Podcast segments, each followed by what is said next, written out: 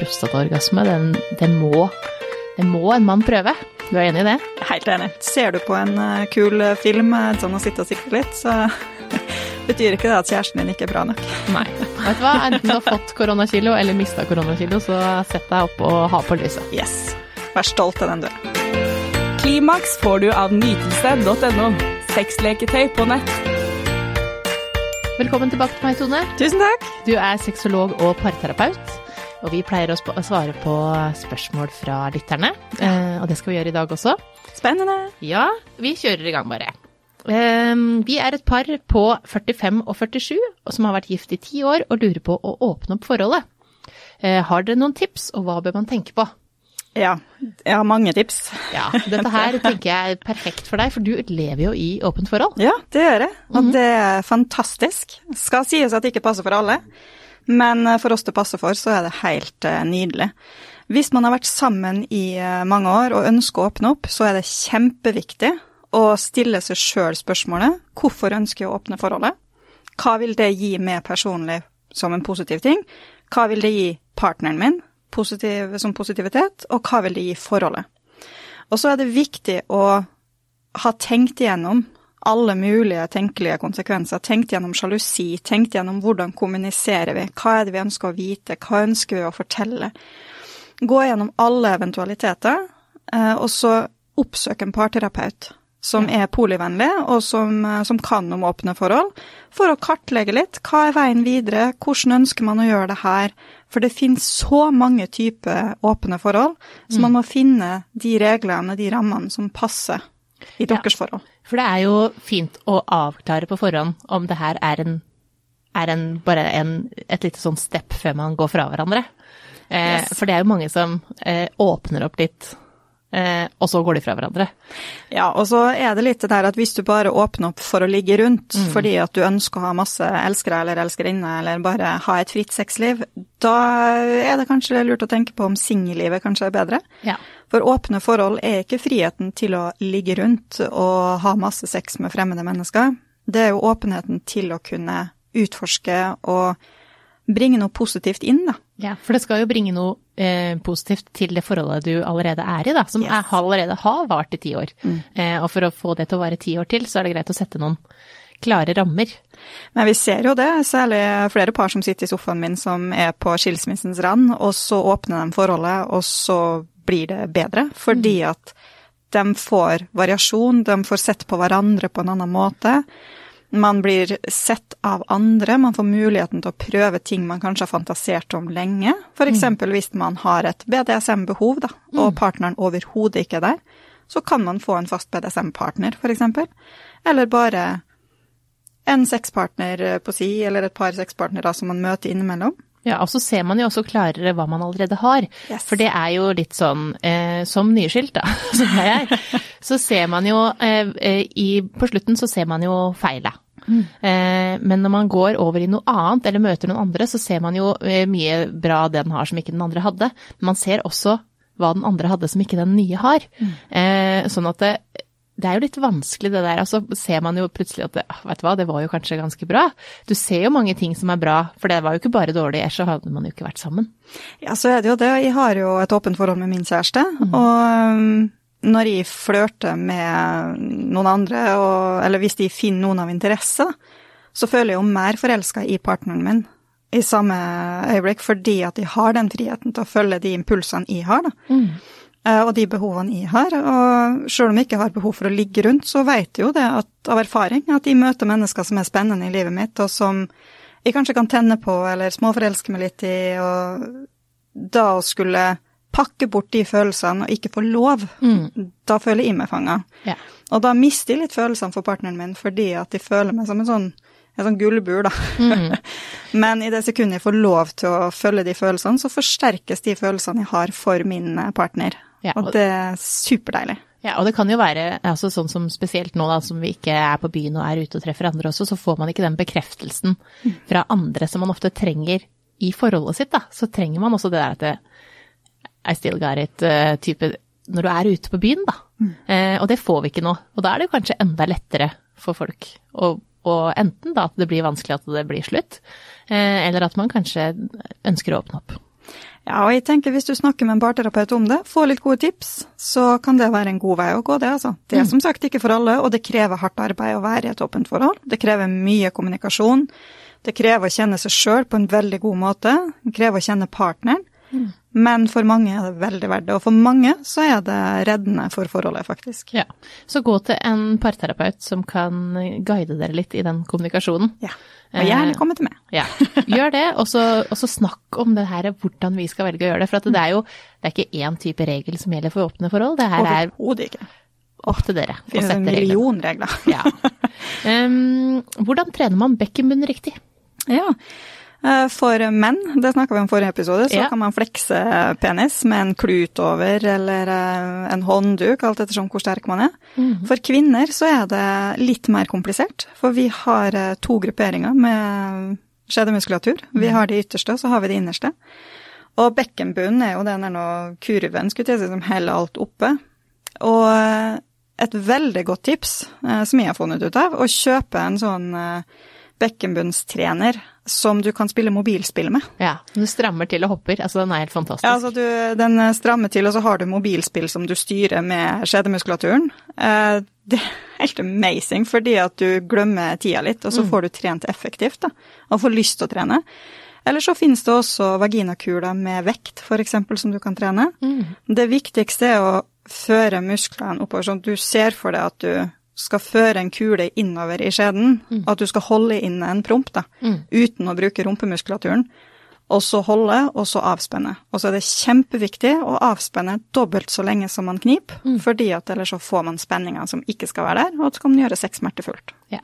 Og så er det jo, eh, man klarer jo fint også å trene bekkenbunn uten kuler, men det er jo med på å bevisstgjøre at nå trener du faktisk. For hvis du eh, sitter i bilen da, uten vaginakuler og skal tenke at nå skal jeg gjøre det her, plutselig så sitter du der og så gjør du ingenting. For du glemmer det bort. Eller hvis du tenker at det, hver gang jeg pusser tenner, så skal jeg stå og trene bekkenbunn samtidig. Altså, jeg mister fokus med en gang. Altså, to knip, så er jeg way past. Ja, så vaginakuler Så- er veldig viktig for å gjøre den bevisstgjøringa at nå er jeg på trening. Det er som å dra på treningssenteret. Ja, så var det de, hva det heter, uh, Jolie eller noe sånt. Det er jo eh, vektbasert, skulle jeg si, at det er et sett med tre, og så oppgraderer du vekta ettersom du blir sterkere. Sheshu har det. Yes. Eh, der er det, der er det mm, tre forskjellige. Eh, og den, når du klarer den siste, som er den tyngste vekta, da har du gjort en god jobb. Ja, altså jeg kjøpte jo de, og de er jo fantastiske. Ja, og det er veldig godt materiale på de òg, så de er enkle å føre inn og eh, veldig bra å trene med. Ja, det er fantastisk å stå og lage middag med, eksempel, der du står kanskje og kjeder deg, rører en suppegryte eller en saus eller et eller annet, og skal stå der i en halvtime. Så er det en fantastisk mulighet til å ha vaginakula inni som du kan trene med, Ja. og som du kjenner vekten at du fysisk er nødt til å holde dem oppe. Men husk også avspenning, ellers så kan det føre til problem seinere. Ja. Men det er jo ikke bare for å få Altså, mange trener jo for å få trangere vagina, og hovedgrunnen til å trene bekkenbunnmuskulatur er jo for å slippe bekkenplager og for å slippe inkontinens. ja. Fordi at eh, inkontinens, enten man er født eller ikke, kommer til å komme eh, på de fleste kvinner. Eh, og menn. Eh, men man må, må faktisk trene for å minske det eller få det helt bort. Det er eneste måten. Yes. Ja. Og viktig å ikke overtrene. Ikke overtrene. Ikke der heller. Vi trener ikke for Som på, mye. all- som på alt annet. Ja. Um, jeg er 31 og har enda ikke opplevd orgasme. Hva bør jeg gjøre? Onanere. Ja. Rett og slett. Og hvis du ikke får orgasme ved onani, så vil jeg absolutt anbefale å prøve et sexleketøy som womanizer Ja. eller en enkel vibrator, fordi at du må lære deg sjøl å kjenne. Ja, og særlig på Womanizer, som er, jeg tror jeg har anbefalt til veldig mange som ikke har opplevd orgasme, etter at de ikke får til helt det der Jeg vet ikke helt hvor jeg skal ta når jeg onanerer. Men den vet man at det lille hodet, det skal på klitoris. Og da lærer man å kjenne åssen det kjennes ut når orgasmen bygges opp. Eh, og det er så viktig, for da, da, da eh, kjenner man kanskje når man bruker fingrene neste gang, da, er at det, ok, det, det, er sånn det, det er sånn det skal gjøres. Det er sånn det, det kjennes sånn ut først. Eh, så ikke man flytter fingrene den andre gangen man prøver uten lekte. Så jeg hadde en klient en gang som kom. Hun var 80 år, aldri fått en orgasme. Påsto hun sjøl, da. Eh, Jeg fant ut etter hvert at hun hadde jo fått orgasme, det var bare ikke den der noe eksplosive opplevelsen. Nei. Og så spurte jeg noen ganger men har du prøvd å ta på klitoris, og da spurte hun meg hva er klitoris. Ja. så det visste ikke hun eksisterte engang. Ja, og det har litt med det, generasjonen, ikke sant? Det har aldri nei, vært snakka om, kanskje. Nei, men jeg har kvinner på 30-40 år også som aldri har hørt om klitoris. De aner ikke at de har klitoris, og hvor den er, og hva den gjør. Og da må det guiding til. Da sitter jeg med en sånn klitoris 3D-modell mm. som jeg viser, og så anbefaler jeg da virkelig å gå hjem og se på seg sjøl i et speil. Akkurat den klitorisen, den synes jeg i 3D, den syns jeg alle skulle fått på skolen. Ah, fett du hva. For da Fantastisk. ser man faktisk åssen Fordi at man snakker om eh, lærer at det, og det er en liten knapp mm. eh, som damene Damene har bare en liten knapp. Det er ikke noe liten knapp, det her. Det er jo et stort organ. Ja, sånn så at alle burde, jeg har med, Når jeg har seksualundervisning i alle klassetrinn, så har jeg med en klitorismodell. Og da har jeg med en liten og en stor, mm. som begge er naturtro størrelse, men for å vise at det er forskjell på dem. Og så er det jo faktisk det at en uerigert klitoris er jo helt annerledes enn en erigert. Ja, I likhet med penisen. I likhet med penis, og det her er det så få som vet. Mm. Så klitoris vokser høyt. når kvinner er kåte, mm. utvider seg og får blod i seg akkurat på lik linje som penis. Yes, og det er veldig mange kvinner som da onanerer når de ikke er tent, og da vil ikke klitoris være så følsom. Så erigert klitoris er faktisk viktig for å i det hele tatt kjenne, kjenne noe. Mm. For ellers så hadde jo man ikke kunnet brukt klær, ikke Nei. sant. Hvis, man, hvis klitoris skulle vært like følsom hele tida, så hadde jo trusa og buksa vært uutholdelig. Da hadde mm. man jo Måtte stå sånn. i joggebukse. ja, ikke sant. Så klitoris er ikke skapt til å være like følsom hele tida. Så pass på at du er tent, pass på å bruke riktig teknikk, finn den teknikken som passer deg, og gjerne bruk leketøy for mm. å få litt fart på tingene. Ja. Eh, apropos leketøy, her er det Jeg er en gutt på 29 som har lyst til å utforske leketøysverden. Eh, vet ikke hvor jeg skal starte. Har dere noen tips? Take it away, Maria. ja, altså her tenker jeg at der, eh, her er jeg god. Eh, fordi at det, det fins så mye leketøy til mann. Eh, og hvis han aldri har prøvd noen ting, eh, så er det jo så mye spennende han har i vente, tenker jeg. Eh, fordi at det, det fins alt fra små spinnere som er onanihylser, eh, som er også fin å ha med med partner, at partner kan runke deg med en spinner. Eller det fins en flashlight som er verdens mest solgte leketøy eh, prostatavibrator. Eh, den anbefaler jeg til alle, eh, fordi at prostataorgasme, den, det må det må en mann prøve. Du er enig i det? Helt enig. Eh, og så fins det jo penisringer. Det er jo for å holde blodet tilbake i penis. Den skal ikke brukes mer enn en halvtime. Eh, men, men, den fins jo både med og uten vibrator. Det fins også sånn at du kan holde, eh, ha en liten strikk rundt ballene. Eh, og det fins masse annet gøy. Det fins en ny som heter Arcwave, som er womanizer til menn. Eh, den stimulerer strengen. Og den fungerer også faktisk på de som ikke kan få ereksjon. Ja. Så hvis du ikke kan få ereksjon, så kan du bare da legge, du legger penis inn i noe som ser ut Den her ser ut som en liten kaffemaskin. Eh, så har det den samme eh, trykkbølgefunksjonen som Womanizer har, og den stimulerer mot strengen, som da er det mest følsomme området på penishodet. Um, og så får du en helt annen form for stimulering enn det man er vant til. For det er ikke noe trygt, du skal ikke holde rundt og runke og dra fram og tilbake, den skal bare ligge der. Det må jo være helt fantastisk for f.eks. handikappa og ja. de som sitter i rullestol og kanskje ikke kan bruke hendene sine på samme måte, de som er multihandikappa f.eks. Ja. Det hadde jo vært fantastisk redskap eh, til dem. Ja, absolutt. Og det fins også noe som heter Handy, som er en, en som er fin for de som da eh, ikke har, enten da har funksjonshemning, eller absolutt ikke har funksjon, eh, funksjonshemning, men bare vil slappe av litt, så mm. er det en maskin som da eh, du setter på play, den runker deg. Og da kan du feste på, du kan feste på flashlighten din, du kan feste på en spinner, du kan feste på andre onanihylser, så bare den runker deg, rett og slett. Og det er eh, altså, og du kan velge fart, og du kan, du kan, koble den til filmen du ser på. Eh, hvis du ser på en pornofilm, f.eks. Så her er det bare altså, Teknologien må, i dag, ass. Det, ja, det er bare å kjøre på. Langt. Eh, og så er det jo eh, massasjeolje, glidemiddel. Altså alltid ha glidemiddel. Glidemiddel er jo ikke for de som har et problem, det er for å gjøre det som er bra, enda bedre. Oh yes, glidemiddel er faktisk veldig, veldig viktig. Ja, Både for menn mye, og kvinner. Ja, og det finnes så mye forskjellig. Og eh, det er også for å unngå rifter f.eks. i vagina, og, og, og, som er fort gjort å få. Ikke, ikke, fordi man ikke er kåt, men fordi at man, det blir friksjon etter hvert, og det er fort gjort, eller at det går litt hardt for seg f.eks. Og eh, for all del, prostata er faktisk viktig å stimulere. Det er mm. mange menn som er livredd prostata, fordi at da er de homo hvis de liker analsex. Mm. Det er bare tull. Nei.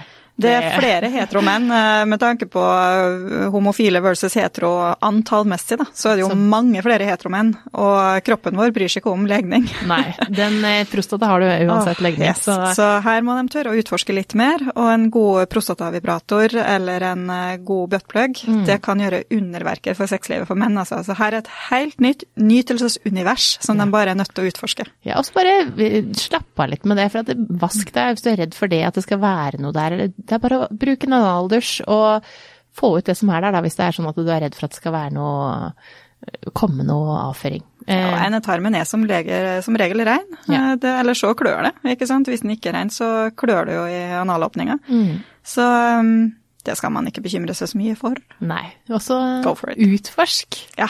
Ja. Jeg har lyst eh, Ja, her er vi over til prostata. Jeg har lyst til å gi kjæresten min prostataorgasme, og han er klar, han også. Vi bryter inn i sendingen med en viktig melding. 40% av alle nordmenn når ikke klimaks under samleie. Nesten halvparten av dere, altså. Det vil vi i nytelse.no gjøre noe med. Med produkter fra nytelse.no kan vi ha mer og bedre sex alene og sammen. Finn det som tar sengeleken til neste nivå på nytelse.no. Jeg har lyst til å gi kjæresten min prostataorgasme, og han er klar, han også. Vi har prøvd noen ganger, men jeg finner ikke helt ut av det. Kan jeg få noen råd? Jeg ville prøvd å eh, bruke en prostatavibrator, rett og slett. For mange menn så Altså her òg er det jo det er jo samme som G-punktet på kvinner. Noen har veldig, veldig følsomt G-punkt, andre kjenner nesten ikke at de blir stimulert der. Samme med prostata. Noen er superfølsomme og får lett eh, prostataorgasme. Andre krever det litt mer arbeid. Så hvis du syns det er vanskelig og tungt med finger, så kan det absolutt være en fordel å bruke et leketøy. Ja, og en prostatavibrator, den er jo designa til å peke mot eh, P-punktet til mannen. Sånn at det, den, den ligger jo der og vibrerer. Og der er forskjellige typer vibrasjoner og forskjellige typer vibratorer. Tjukkelse eh, og, og med kuler, sånn at der har du liksom mange forskjellige å velge mellom. Absolutt. Eh. Og det er veldig vanskelig å få fram prostataorgasme med fingre, det skal sies. For det er tungt, for du må trykke ganske hardt for å få det til, og du massere ganske lenge. Og det vil bli veldig, veldig slitsomt. Eh, Og det, det er ikke sikkert det er nok for å få prostataorgasme. Så hvis du skal jobbe mot prostataorgasme, da, så kan faktisk en vibrator eller et leketøy være veien å gå. For å rett og slett ikke slites ut. Fordi at eh, musklene inni der, de er jo veldig stramme. Og mens man har fingrene inni der, så vil jo mannen klemme rundt, ikke sant, automatisk uten å ville det, og da blir man enda mer sliten i fingrene enn f.eks. stimulans av vagina. Så det er noe helt annet, og det krever mer trykk, rett og slett. Litt mer eh, muskler der. Så Trene opp eh, fingermuskulaturen. trene opp fingrene. Jobbe sånn fingervekta. Ja. um, jeg tror jeg er lesbisk, har datet en del gutter, men liker jenter mye bedre. Uh, hva bør man gjøre for å finne ut av dette? Uh, familien min er veldig konservativ, og jeg syns det er vanskelig. Først må man eh, gå inn i seg sjøl og tenke trenger en definisjon på legning. Eh, Fordi at det er veldig vanlig å eh, like både samme kjønn og motsatt kjønn. Og det er faktisk ganske liten andel av verdens befolkning som er kun enten-eller. Eh, Og her er det viktig å påpeke at det er ingenting som er vanlig og unormalt eller normalt eller whatever. Alt er normalt. Ja, og når du kommer fra en konservativ familie, så er det jo ikke sånn. Nei, eh, det er jo ikke det. Eh, Men vi har en skala. Der har du to ytterpunkter. Der man har det ene ytterpunktet der man er helt eh, homofil eller lesbisk. Altså man er helt på samme kjønn. Og så har du andre ytterpunkten der du er helt på motsatt kjønn. Men så går det en skråstrek fra de to med flere søyler imellom. Så man kan f.eks. like jenter, men tenne litt på gutter. Ikke sant? Eller at man liker menn, men tenner litt på Ikke sant? Så her, tenk etter. Trenger du å ha en definisjon på om du er lesbisk eller ikke, eller trenger du bare å møte riktig person, uansett om det er mann eller dame? Ja, og så er det må man masse komme til familie sånn eh, før man eh, har eksperimentert litt? Nei, prøv deg litt fram. For at det er jo mange steder og forumer, eh, nå som det er, ikke er åpne barer og sånn, så er det jo litt vanskeligere. Men det finnes jo mange forum og på Clubhouse finnes det egne rom du kan være i. Det finnes egne nettforum for lesbiske og homofile. Så test deg litt fram og prøv å flørte litt. Vær på Tinder eh, og si du vil ha damer. Eh, Og prøve å flørte litt og, og prøve å finne litt ut av det. Ja, for man trenger jo ikke Uansett om man dater samme kjønn eller motsatt kjønn, så tar man jo ikke hjem eh, partneren på første date eller Nei, andre date. sant? Eller tredje, for den saks skyld. Det er ikke første familie. Og så bør man ikke Det er ikke Det er noen ganger det er Noen familier er vanskeligere å si ting til enn andre, så det er Utsett det. Bestem deg på eh, Vent til du er trygg eh, på det selv. For at det, det viktigste er at du, du selv har det bra, ikke hva alle andre rundt syns. helt riktig. Og du skal ikke skamme deg for den du er, fordi at eh, du er normal, og du er fin, og du, du er den du er. Eh, Men eh, det er litt der, og hvis du har en veldig streng og konservativ familie, så vent til du er trygg. Ja. rett og slett. Man, men snakk med for eksempel FRI, eller eh, homofile organisasjoner, eller, eller HBTQ-samfunnet generelt. Mm. Snakk litt med dem, kanskje de har noen gode tips. De kan være en god støtte når du kommer ut, eh, med tanke på familie, hvis de kan vises å bli veldig kjip. Men så er det heldigvis noen familier som da overrasker, og at det er lettere Ja. å komme ut For det er jo- man kanskje trodde. Ja, for det er jo litt sånn at man tenker at de har kanskje slengt en kommentar etter noe de så på TV, men har sittet der og Eller ting som ikke har eh, kanskje egentlig betydd så mye for den som har sagt det. Eh, men til den, når du sitter der da og tar det til deg, så, så føles det veldig ille og tenker at ok, her kan jeg ikke komme ut. Mm. men det har aldri vært noe vondt ment, eller det var kanskje bare en annen dum slengbemerkning. Som selvfølgelig kan være skadelig og farlig, men, men som egentlig aldri var ment vondt, da. Så går det an å slenge ut et test, testspørsmål til foreldre, f.eks. For eksempel, at eh, mamma og pappa, hva hadde dere sagt hvis de var lesbisk? Ikke sant? Og så se hvilken reaksjon det er, og hvis de da spør ja, er du det? Nei, nei, bare spør. jeg. Ikke sant? Man må ikke ta den samtalen bestandig, men jeg støtter alltid de som tør å være seg sjøl og tør å stå fram. Og tør å ta den kampen med familien. Og, men det kan være lurt å ha skapt seg et nettverk først, sånn at man har et trygt nettverk å komme tilbake til. Sånn at man kanskje kommer ut til venner først, f.eks. Ja, og det gjør og har, ofte. Ja, ikke sant. At man kommer ut til vennene sine først, og at man har et trygt støtteapparat som man kan venne seg til hvis familien vises å bli kjip. Mm. Og det her er kjempevanskelig, for det er ikke noe fasitsvar. Men hvis du mistenker at du er lesbisk, så test litt. Gå Mm. på dates, flørt med jenter. Send noen meldinger til jenta. Se på Tinder om du finner hvem du syns er sexy, eller hvem du syns du kunne vært sammen med, Mm. og så ta det derfra. Ja. Bra tips, Tone. Eh, Jeg hørte episoden om smerter i underlivet og kjente meg veldig igjen. Hvordan vet jeg om dette gjelder meg? Eh, Jeg syns det er vanskelig å snakke med fastlegen om dette. Eh, Vi har jo snakka en episode om endometriose, men jeg har også hatt en annen om hva slags andre typer smerter man kan ha i underlivet. underlivet. Eh, Og det er én av fem kvinner som sliter med smerter i underlivet, så dette her gjelder veldig mange. Og Det det, gjør det. er jo litt sånn eh, å gå til fastlegen, som man kanskje da er fra et lite sted som man kjenner har et godt forhold til, så er det litt vanskelig å snakke om sex. For man kommer ofte med eh, fordi at eh, du har fått eh, lungebetennelse, eller du har fått liksom Du er syk på liksom andre måter, da. Eh, og så er det vanskeligere å si det er noe gærent. Ja, så er det veldig mange fastleger som feildiagnoserer, eller som eh, diagnoserer i hytt og pine, altså ikke diagnoserer i det hele tatt, ikke sant, så man kanskje får beskjed om bare å slappe av, eller vente et halvt år, eller at man får sånne rare tips, da. Mm. Men her, altså smerter i underlivet er jo veldig diffust, og så når kommer de smertene? Er de konstant? Er det ved penetrering? Er det, er det hele tida? Er det vekselvis ved berøring? Kan man putte inn en tampong, ikke sant? Altså, Hvilken smerte er det? Er det brennende følelse? Er det verk? Er det spenninger? Så her er det ikke noe godt svar på det spørsmålet. sånn sett. Her ville jeg kartlagt, eh, kanskje hos en sexolog, da. Ja. Hvis man ikke tør å gå til fastlegen. Så oppsøk en sexolog og få kartlagt litt der hvilken type smerte det er. Man kan også gå til gynekolog. Eh, Der er det også Jeg har mange klienter som har blitt feilbehandla hos gynekologer, så få alltid en second opinion. Ja, og så er det Oslo kvinnehelsesenter har, det fins Endometrioseforeningen. Det fins jo mange foreninger som er vant til å svare på, som snakker om det her som melk og brød. Og det er ikke en du har noe forhold til, det fins foreninger for, for alle typer underlivssykdommer, da. Og de er vant til å, å finne ut forskjellen på de forskjellige også. Eh, Så da vil jeg oppsøke noen av de, enten ta kontakt på nett eller å ringe de. Absolutt. Eller om du kan dra dit. Helt enig. Veldig viktig å få det undersøkt, i hvert fall. Og det er veldig viktig å ikke presse seg gjennom det før Ja. man har fått undersøkt hva det er. Ja. Men Tone, hva gjør en sexolog? Det er det noen som lurer på her.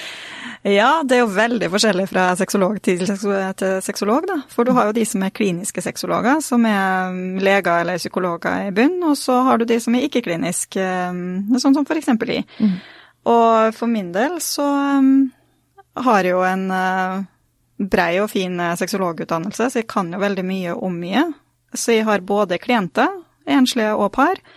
Jeg holder foredrag, jeg har seksualundervisning i skole, jeg underviser på sexologiskolen. Mm. Jeg holder kurs i barnehager. Jeg er med på podkast, ja. webinar. Alt innenfor altså, sex og samliv. Alt innenfor sex og samliv. Altså, jeg gjør så mye. Mm. Um, skriv, skribent for en seksualundervisningsapp som kommer til neste år. Mm. Så for min del så er det en ekstremt variert arbeidsdag. Jeg svarer masse på spørsmål inne på Instagrammen min, f.eks. Bruker mye tid på det hver dag. Mm. Eh, så jeg som sexolog har veldig, veldig varierte arbeidsoppgaver og er litt innom det meste. Mm. Mens, eh, mens sånn... andre sexologer de er mer da klientbasert og jobber rent klientbasert. Ja. Jeg lurer liksom på kanskje sånn hva slags type problemer man kan komme med. Ja, det er så mange. Ja, for det er jo absolutt alle, alle de spørsmålene vi svarer på nå, er jo ting vi vanligvis får. Ja, ja. Eh, og alt, egentlig alt mellom himmel og jord når det kommer til sex og samliv. Ja, jeg har jo mange klienter som kommer fordi de har problemer med sex, og så finner ut at de har jo egentlig ikke eh, noe med sex å gjøre i det hele tatt, og så begynner vi å snakke om barndomstraumer og overgrep som har skjedd og sånn istedenfor. Mm. Jeg har pasienter med, eller klienter med vaginisme og vilvodoni. Eh, vi snakker om parforhold, vi snakker om sex, smerter problematikker, altså alt. Mm. Uh, altså det, det, lista er så lang, da, så inne på hjemmesida mi så har jeg jo skrevet ned uh, sånn jeg si, forslag til hva jeg jobber med, for det har jo med også legning, ikke sant, LHBTQ, kjønn, kjønnsproblematikk, ikke sant, hvis man er usikker på hvilket kjønn man er. Uh, jeg har uh, klienter som går fra kjærester til småbarn. ikke sant? At man går inn i den småbarnsfasen, og plutselig at forholdet blir endra. Mm. Det er så mye. Ja. Absolutt alt. Absolutt alt. Og så er det jo altså. sånn at det, eh, man blir jo også, hvis, det, hvis, man kontakter en sexolog, og den ikke den, er, den, kan også henvise videre til en Hvis jeg blir kontakta med noe, så vet jeg at dette her det vet jeg at Tone er enda bedre på, så blir man også henvist videre til en annen sexolog som kanskje kan enda mer om f.eks. overgrep eller, eller, eller, problematikk med småbarnsperioden, som du også nevnte. Absolutt, og hvis de mener at dette er et uh, psykologproblem f.eks., mm. så henviser jeg til en psykolog. Yeah. Hvis de tenker at her må det en lege til, så henviser jeg alltid til lege. Yeah. Så her tar vi altså en seriøs sexolog tar ikke på seg noe som er utafor kompetanseområdet. Nei. og man er veldig tydelig med klienten på at du er velkommen her, her er det høyt under taket, her er det ingenting som er tabu. Men hvis man ser at det her det kan jeg faktisk ikke hjelpe med, mm. så henviser man videre. Og jeg har hatt klienter som det har virka som det har vært veldig enkel og grei case, og så har det ligget så mye under at de har måttet henvise til psykolog, f.eks., ja. og at vi kan drive tverrfaglig. Ja, for mange ganger jobber man jo sammen med både sexolog og psykolog for å komme gjennom Helt en eller annen traume. Absolutt. Jeg har flere klienter som går tverrfaglig, at de går både hos meg og hos noen andre. Ja. Du, det siste spørsmålet her i dag, det er eh, Jeg holder på med en eh, som jeg liker veldig godt, og han liker bilder av dritfine damer, står det her, på sosiale medier hele tiden. Eh, det gjør meg stresset, for jeg er ikke i nærheten av dem utseendemessig. Jeg kjenner at jeg blir usikker på min egen kropp, og syns det er vanskelig å være naken foran han, spesielt når vi har sex. Eh, jeg har tatt det opp, og da sier han at jeg må være glad for at vi har sex, og at det betyr at han liker meg. Men han liker altså sånne damer på nett. Ja, det er jo ikke så lett det der, for det er jo veldig, veldig vanlig å se på porno når man er i forhold, se på bilder av andre, trykke gjerne like. Den like-kulturen som finnes i dag, da det er veldig lett å sitte og scrolle, og så trykker man bare sånn dobbelttrykk på hjertet nedover. Ja, det betyr ikke så mye alltid. Og det samme som på, eh, på, porno. Hvis kjæresten ser på porno, så tenker man ah, du liker sånne damer, eller du liker mm. sånn type sex. Det er Eh, det er en Altså sånn Jeg skjønner begge sider av den saken her. Fordi at det, eh, det er fort gjort å bli usikker på seg selv av det. Eh, og hvis han gjør det her hele tiden, så blir det jo et problem. Mm. men hvis man hvis, hvis, du tenker hva du selv liker, liker du bilder av en eller annen kjekk mann, eksempel? Eh, eller liker du bilder av fine damer du også? Altså, vi har jo, vi har jo snakka om det her i en tidligere episode, det med det med Bridgerton f.eks., eller mm. Outlander og de seriene der der du har de smoking hotte mannfolka som alle kvinner eh, sitter og sikler på, ikke sant? Blir Fifty Shades of Grey og hele Deprimert når serien er over. Altså, jeg kjenner meg igjen i det òg. Så det, man må jo gå litt inn i seg sjøl og tenke at altså jeg kan fint sitte og sikle på kjekke skuespillere, både menn og kvinner, og synes de er dritfine. Og fortsatt tenne på kjæresten. Ja, ikke sant. Og kan fortsatt se både kjæresten og folk jeg interesserer meg for. Um, er kjekke på sin måte, men altså, filmstjerner er jo filmstjerner, mm. ikke sant? Ja.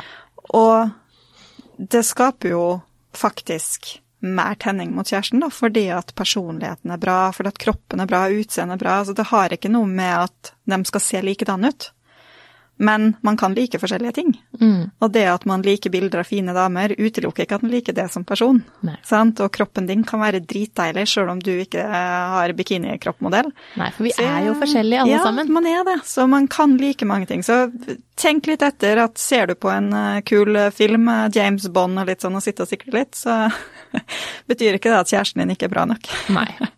Så Det går begge veier. Det går begge veier. Eh, og så er det jo selvfølgelig litt vanskeligere akkurat i begynnelsen når man ikke kan si at vet du hva, det der syns jeg er eh, Kan du la være? Eh, men, eh, men, eh, Og hvis det tar litt overhånd, så, samme som gjelder med porno, hvis du ser på porno hele tida, så går det an å si at vet du hva, kan vi se litt mindre på porno og heller sette på Outlander, da. Absolutt. og det, det, tenker jeg også at man må rett og slett snakke sammen. Tørre å være litt sårbar. Spørre, da. Hvorfor liker du alle de pene bildene på nett? Altså hvis han ikke kan svare, så, så er det jo litt det der at er det en usikkerhet i det, eller er det et reelt problem? Mm. For hvis han da ikke ville hatt sex med det, eller ikke vil se det naken og vise tydelig at han må se porno eller må se på bilder av pene damer for å ha sex, da kan vi snakke om at det er et problem. Ja. Så bare sett deg oppover med lyset på, du, og ri inn i solnedgangen. Oh, for at yes det er bare å vise trygghet på sin egen kropp, for det er ikke noen grunn for å For vi er forskjellige, og vi kommer til å forandre oss hele livet, så den kroppen vi har nå, den kommer til å forandre seg, den òg. Helt klart. Ja. Og i hvert fall de koronakiloene, de må vi bare Noen av oss må bare godta at sånt skjer inni Ja, vet du hva, enten du har fått koronakilo eller mista koronakilo, så sett deg opp og ha på lyset. Yes. Vær stolt av den du Ja. Takk for at du kom, Tone. Takk for meg. Klimaks fikk du av nytelse.no. Sexleketøy på nett.